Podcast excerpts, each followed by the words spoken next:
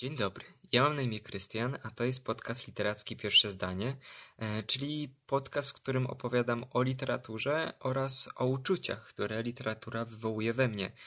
Ponieważ e, jestem tego zdania, że w trakcie każdego czytania mamy jakieś uczucia i o tych uczuciach warto mówić i te uczucia warto nazywać i też uświadamiać sobie, jak dana lektura wpływa na nas. Dzisiaj będziemy rozmawiać o książce Convenience Store Woman i ja jestem świadom tego, że ta książka nie jest znana i naprawdę będę zaskoczony, jeżeli więcej niż dwie osoby ją przeczytały, e, bo też ta książka nie jest wydana po polsku, więc to może być utrudnienie dla niektórych. E, chociaż y, ja jako taki niedzielny czytelnik y, książek po angielsku powiem, że nie miałem jakichś wielkich problemów, więc tutaj Was zachęcam do tego, żeby jednak spróbować. I tak, i skoro Wy nie czytaliście, e, to nie musicie się oczywiście tym przejmować, ponieważ ten podcast na pewno nie będzie miał spoilerów, a będzie raczej taką, taką bym powiedział, może pomocą, może wstępem do tego, żeby łatwiej było nam zrozumieć tę e, powieść, w razie gdybyście ją chcieli czytać oczywiście. E, i może takim nakierunkowaniem, na co zwracać uwagę, a na co nie. Ale myślę też, że jeśli nie będziecie tej książki czytać i nie zamierzacie, to możecie sobie posłuchać, bo tutaj trochę tak myślę, że ogólnie dzisiaj będę mówić bardzo, jednak bardzo ogólnie. Zanim y, zacząłem tutaj, prawda, nagrywać, to w ramach researchu chciałem sprawdzić, czy w Polsce mamy w polskim języku e, odpowiednik słowa convenience store i jeden słownik podpowiedział mi, że jest to mały sklep, w nawiasie na przykład żabka. I jak ja sobie pomyślałem, że w Polsce by była taka powieść, gdzie jest, y, gdzie głównym bohaterem lub bohaterką jest właśnie mm, pracownik albo pracowniczka y, żabki, to ja oszalałem wręcz, bo ja myślę, że to jest naprawdę świetny pomysł. Może nawet nie na powieść, nawet na film, nawet na film krótkometrażowy. To jest, to jest coś, czego nie mamy jeszcze w Polsce. I myślę, że to by był ciekawy jakiś taki, myślę, punkt widzenia nawet. E, więc jeśli ktoś tutaj jest filmowcem, pisarzem albo, yy, tak, albo twórcą po prostu nawet, to ja ten pomysł mogę oddać, proszę, weźcie go, teraz ja moimi tutaj niewidzialnymi rękami oddaję ten pomysł mm, o pracowniku yy, albo pracowniczce żabki. E, bo właśnie w tej powieści mamy taką sytuację, gdzie e, kobieta, mniej więcej 30-letnia, e, pracuje w sklepie i jakby to jest cała fabuła tej powieści. To, to tyle. I ta powieść jest zresztą krótka, ona ma 170 bodajże stron, nie mam już fizycznej e, wersji przy sobie, ale tak mi się wydaje. I w tej właśnie warstwie fabularnej tam się niewiele dzieje, a więcej dzieje się jednak w tej warstwie e, myślowej. Mając e, czytać, rzuca nam się taka pierwsza warstwa e, właśnie w oczy, e, która jest zresztą taka bym powiedział dosyć oczywista, może powielająca się bardzo często w kulturze. E, jest to mianowicie taka, taki rodzaj sytuacji, gdzie główny bohater jest niedopasowany do świata, nie czuje się częścią jakiegoś tam systemu, E, nie rozumie zasad panujących, nie potrafi według e, wskazanych reguł istnieć. I myślę, że mamy tak jakby ten motyw w kulturze e, bardzo często, jak nie prawie zawsze jednak. Ponieważ każda jakaś tam wybitna jednostka E, działa na zasadzie tego, że nie zgadza się z jakimiś zasadami, prawda? I że kwestionuje rzeczywistość. I nawet jeżeli mamy, już nawet nie mówię o bohaterach literackich, ale nawet o artystach wszelkiego rodzaju, prawda? Pisarzach, malarzach i tak dalej, e, to jednak jest to pewnego rodzaju wyłamanie się spośród obowiązującego systemu i życie według własnych, w nawiasie artystycznych, można tak powiedzieć, zasad. I dobra, i jakby to tak pięknie brzmi, ale my też jesteśmy ludźmi i już myślę nie dziećmi, e, gdzie pociąga nas jedynie e, zero-jedynkowy świat, dobro i zło.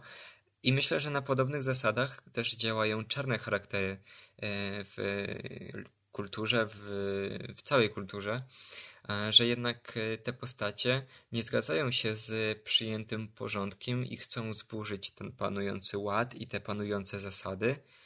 Dla nas, dla odbiorców kultury, te postacie często są nawet ciekawsze, ponieważ są bardziej wyraziste, e, mają jakieś e, ciekawsze historie e, i też nierzadko możemy się z nimi identyfikować. Też ja w sumie tak bym skłaniał się ku takiej myśli, że jeżeli w danym dziele jakby łatwo jest odróżnić postacie dobrych od postacie dobre od złych, to, to, to jednak słabo tak trochę, bo wtedy już autor bardzo ingeruje w nasz sposób myślenia i myślę, że naprawdę wartościowe są takie dzieła, gdzie ciężko nam stwierdzić, czy ktoś jest dobry, czy ktoś jest zły, a nawet jeśli ktoś jest zły, to niech ta zła postać będzie ciekawa i niech ta zła postać jakby nas y, intryguje i miejmy jakiś dylemat z tego, że ta postać jest jaka jest. W Convenience Store Woman jest y, postać głównej bohaterki. Ona jakby plasuje się zupełnie bym powiedział, poza tym e, naszym klasyfikowaniem postaci. Na początku myślałem sobie, że ona by się znalazła gdzieś pomiędzy, pomiędzy bohaterką dobrą a złą, e, chociaż to też jest takie bardzo dziwne rozgraniczenie, e, które, do, której, do którego ją wsadziliśmy. Bardziej nazwałbym ją antybohaterką, to już wam do tego muszę nakreślić jakby całą sytuację tutaj fabularną, ponieważ, mm, tak jak powiedziałem wcześniej, ona pracuje w sklepie i to jest cała fabuła. Tylko, że jest taki tutaj myk i zagadka, że ona e, w tym swoim życiu, e, poza właśnie pracą, nie, nie rozwija jakby pozostałych dziedzin życia i ona, e, jakby praca jest dla niej całym życiem ponieważ e, ona sama o tym mówi, że praca daje jej szczęście, ponieważ w pracy ona wie, jakie zasady panują w świecie, wie, jak, e, mm, co ma robić, co ma mówić. Ma, prawda, dany jakiś tam ubiór, jak w większości takich e, prac, gdzie po prostu jest uniform i e, jakby te zasady mm, są jej narzucone, i ona jest z tego zadowolona, dlatego że e, ona nie wie po prostu, jak, jak ma żyć. I myślę, że to też stąd wynika e, mm, to, że ona tych pozostałych dziedzin swojego życia nie rozwija. Ale z drugiej strony, jeżeli e, też mamy takie sceny w tej powieści, gdzie stykamy właśnie tą główną bohaterkę z jej członkami na przykład rodziny, to uświadamiamy sobie, że ona też nie wie, ale też nie chce żyć tak jak jej rodzina, bo nie rozumie, dlaczego miałaby tak żyć. Skoro ta dana sytuacja, w której jest, daje jej szczęście, to dlaczego miałaby się wyłamywać z tego i próbować się dopasować do życia, którym żyją inni? Dobrze, jakby rozumiemy, że to daje jej szczęście, tylko, że w tej powieści mamy też takie przykłady scen, gdzie ona jasno, jasno daje nam do zrozumienia, że ona naprawdę nie rozumie tych zasad i może po prostu jest to jakaś e, kwestia ucieczki od społeczeństwa. A, I też nam jest jako czytelnikowi trudno to ocenić tak obiektywniej. Myślę, że też na to działa E, ma wpływ e, narracja, która jest pierwszoosobowa. A jeżeli mamy narrację pierwszoosobową, to wiadomo, że jakby jest nam mm, łatwiej się e, zidentyfikować z tą główną bohaterką, ale też trudniej jakby zachować taką, taką takie oddzielne poglądy na to, co się dzieje w powieści, ponieważ właśnie widzimy tylko ten jeden kierunek myślowy i to jest kierunek głównej bohaterki. Na przykład było bardzo trudno jakby zrozumieć, co tam się dzieje i dlaczego tak się dzieje w tej warstwie pierwszej, którą tak nazwałem warstwą pierwszą, tego niedopasowania do społeczeństwa, co w sumie, e, tak jak chyba już wcześniej powiedziałem, no jest dosyć częstym, e, częstym motywem powielanym w kulturze, więc to nie jest nic nowego. I też nie powiem, że nudnego, bo mieliśmy unikać słowa nudny, prawda? Nie wiem, czy pamiętacie, ale no jest to po prostu powielane. I właściwie na 170 stron powieści ten temat mógł być wystarczający, ale nie jest. To znaczy, mm, tam się dzieje jeszcze więcej. I właściwie całą powieść nazwałbym pewnego rodzaju grą z czytelnikiem, bo ja na przykład tak się czułem właśnie, e, że jestem trochę wodzony za nos, że nie wiem, co mm, tak naprawdę czuje bohaterka i tak naprawdę to jest jedynie jakaś taka właśnie ta pierwsza warstwa, którą my odczuwamy. Ale na przykład y, sam sklep, który jest tutaj takim miejscem azylu dla bohaterki, miejscem bezpiecznym, nam się też może wydawać, że on jest taką żyjącą istotą, która, która ma kontrolę nad główną bohaterką, która jakby ten sklep jest taką istotą nadrzędną nad bohaterką. Ona też mówi, że się urodziła po to, żeby pracować w sklepie, więc jakby nawet jej samo istnienie nie jest. Y, no też ciężko powiedzieć, żeby istnienie człowieka było jakimś tam dobrowolnym mm, wyborem, ale już sam ten kierunek może życia może być w pewnym sensie dobrowolny, chociaż tu też wchodzimy na takie tereny filozofii, których ja ja bym się bał po prostu poruszać, no, czy, czy nasze życie jest w jakimś sensie dobrowolne, ale e, tak jakby, dobra, to powiedzmy, że e, nasze życie nie jest dobrowolne, ale tej głównej bohaterki tym bardziej nie jest, jakby jest jeszcze mniej dobrowolne. O, i na tym zakończymy tutaj nasz filozoficzny wywód.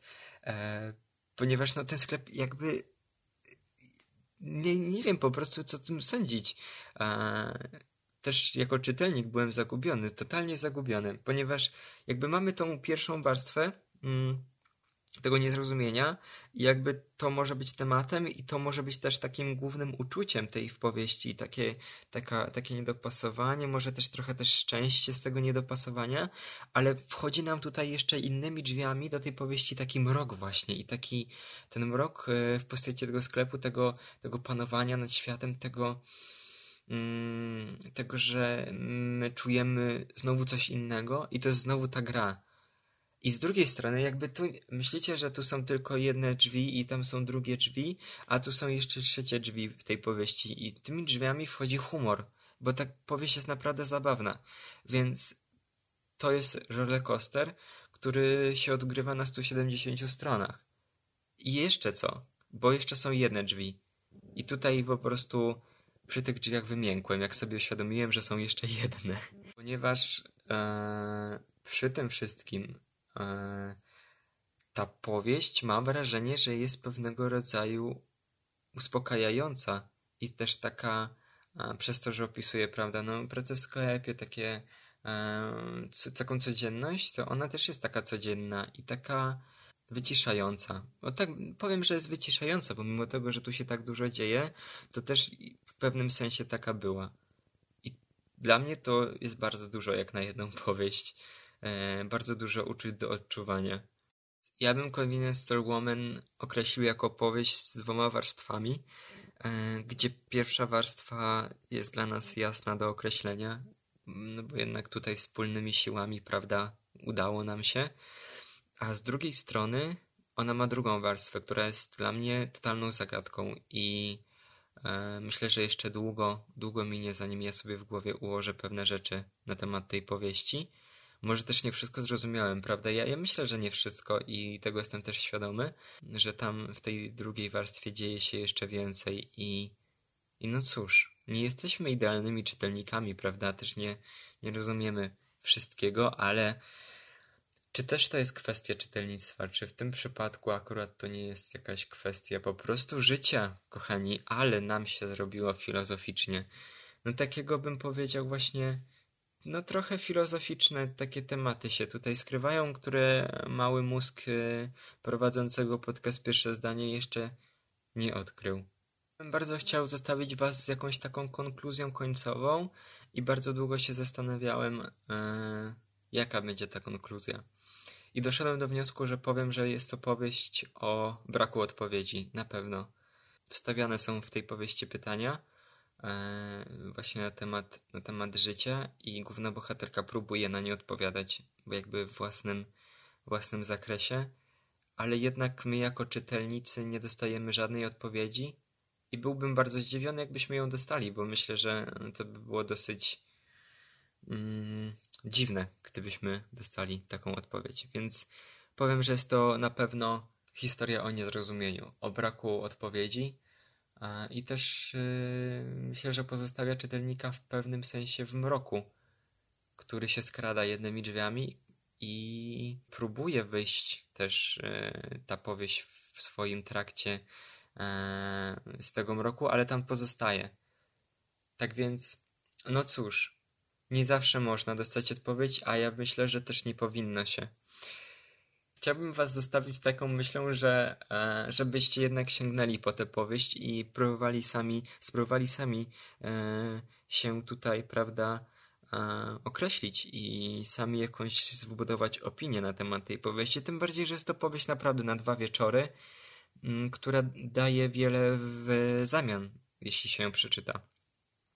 No cóż, to była moja myśl końcowa. Mam nadzieję, że e, ten tydzień, który minął, był dla Was bardzo dobry i że ten, który będzie, też będzie bardzo dobry. Wy, jeśli nie czytacie książek, to e, spoko i jakby nie, nie trzeba cały czas czytać. Jeśli coś czytaliście fajnego, to możecie dać mi znać, znać ja chętnie sobie poczytam. Jedzcie owoce i warzywa. No, o tym mówiłem i będę mówić zawsze. Dobranoc, do widzenia, zależy w jaką porę dnia słuchacie tego. Papa.